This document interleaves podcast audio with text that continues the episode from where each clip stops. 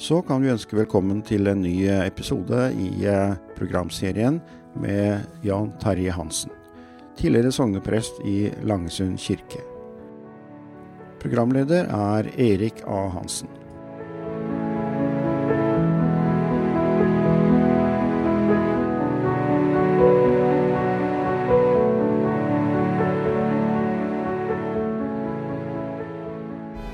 Forrige gang Jan Terje, så fortalte du om eh, din tid som prest i Brevik. Der skulle du jo bare være vikar noen få måneder, men det ble tre og et halvt år, og det var en tid med mye vekkelse.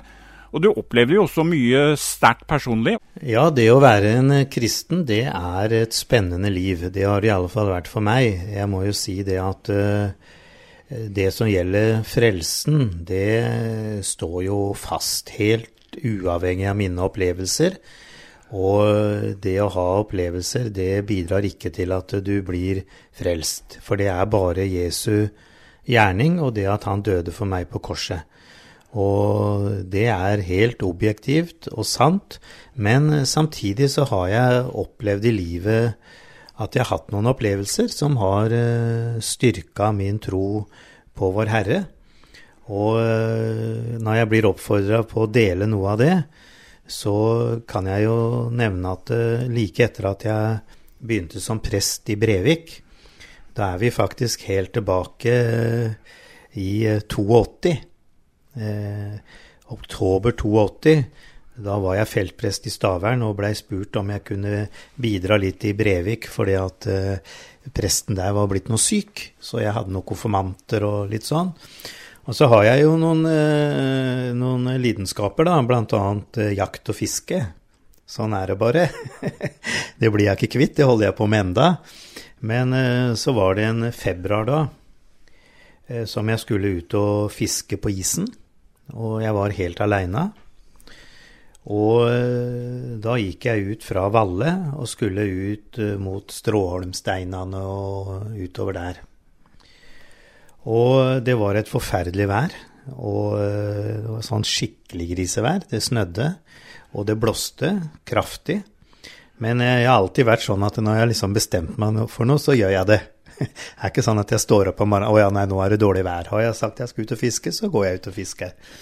Skal vi på jakt, så skal vi på jakt. Så, sånn var det også den dagen. Og da gikk jeg ut fra Parkerte på brygga på Valle der. Og så gikk jeg utover uh, i retning uh, Strålmen. Og det jeg da ikke visste, det var at uh, dagen i forveien, eller kvelden i forveien, da var den indre leia til Kragerø kjørt opp av en sånn isbryter. Og det visste jeg ingenting om. Så hadde det jo vært kaldt i løpet av natta. Og, og det hadde jo fryst is oppå det men den var ikke sterk. Dette fikk jeg greie på etterpå. Og så hadde det snødd, så alt så helt likt ut. Og jeg gikk utover der og, og begynte å nærme meg kanten, der eh, jeg antagelig hadde da gått gjennom, regna jeg med, og kanskje mista livet. Eh, det var et stykke å gå, sånn at jeg på veien utover så, så tok jeg og så bora et høl for å pilke litt. Og så skulle jeg til å dra opp snøret, og da var jeg faktisk ikke mer, vil jeg tro, enn en 30-40 meter fra den iskanten. Og da står jeg der og skal dra opp snøret, og i dette forferdelige griseværet så kommer det inn en person fra høyre side eh, litt sånn retning Kreppa. Så kommer han utover eh, fra Kreppa mot meg. Og så, så, ser jeg plutselig at han kommer gående da, og, og går bort til meg. Og så tenker jeg han hadde så ut som et vanlig menneske, en, en mann. Men han hadde ikke noe fiskeutstyr, ingenting. Han var bare vanlig kledd. Og jeg sa i all verden, er du Det er jo ingen som går utpå her uten å ha noe å gjøre i dette griseværet her. Og så sier han bare det at uh, jeg er kommet for å fortelle deg at du må ikke gå videre, for der uh, er det råk, og du vil gå gjennom. Og jeg kjenner at jeg blir helt kald og, og ja, bli varm. Om jeg var kald, så ble jeg varm. Og kjente oi, oi, oi.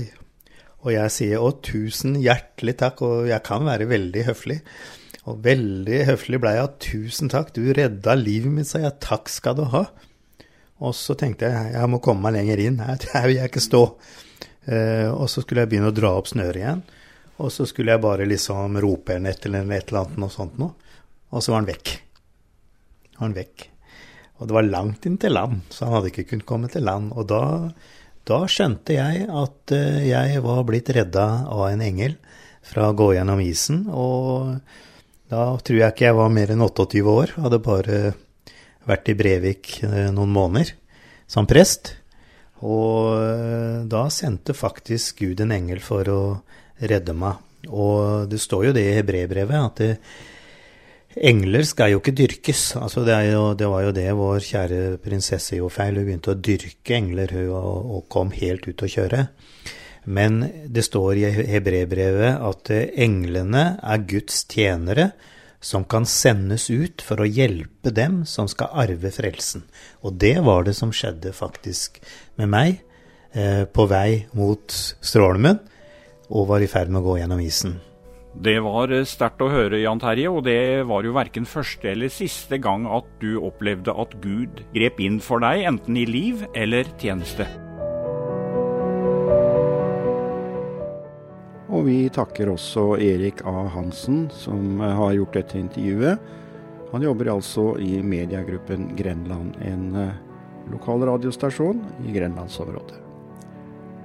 Og vi skal få høre mer fra disse to herrene om ikke lenge.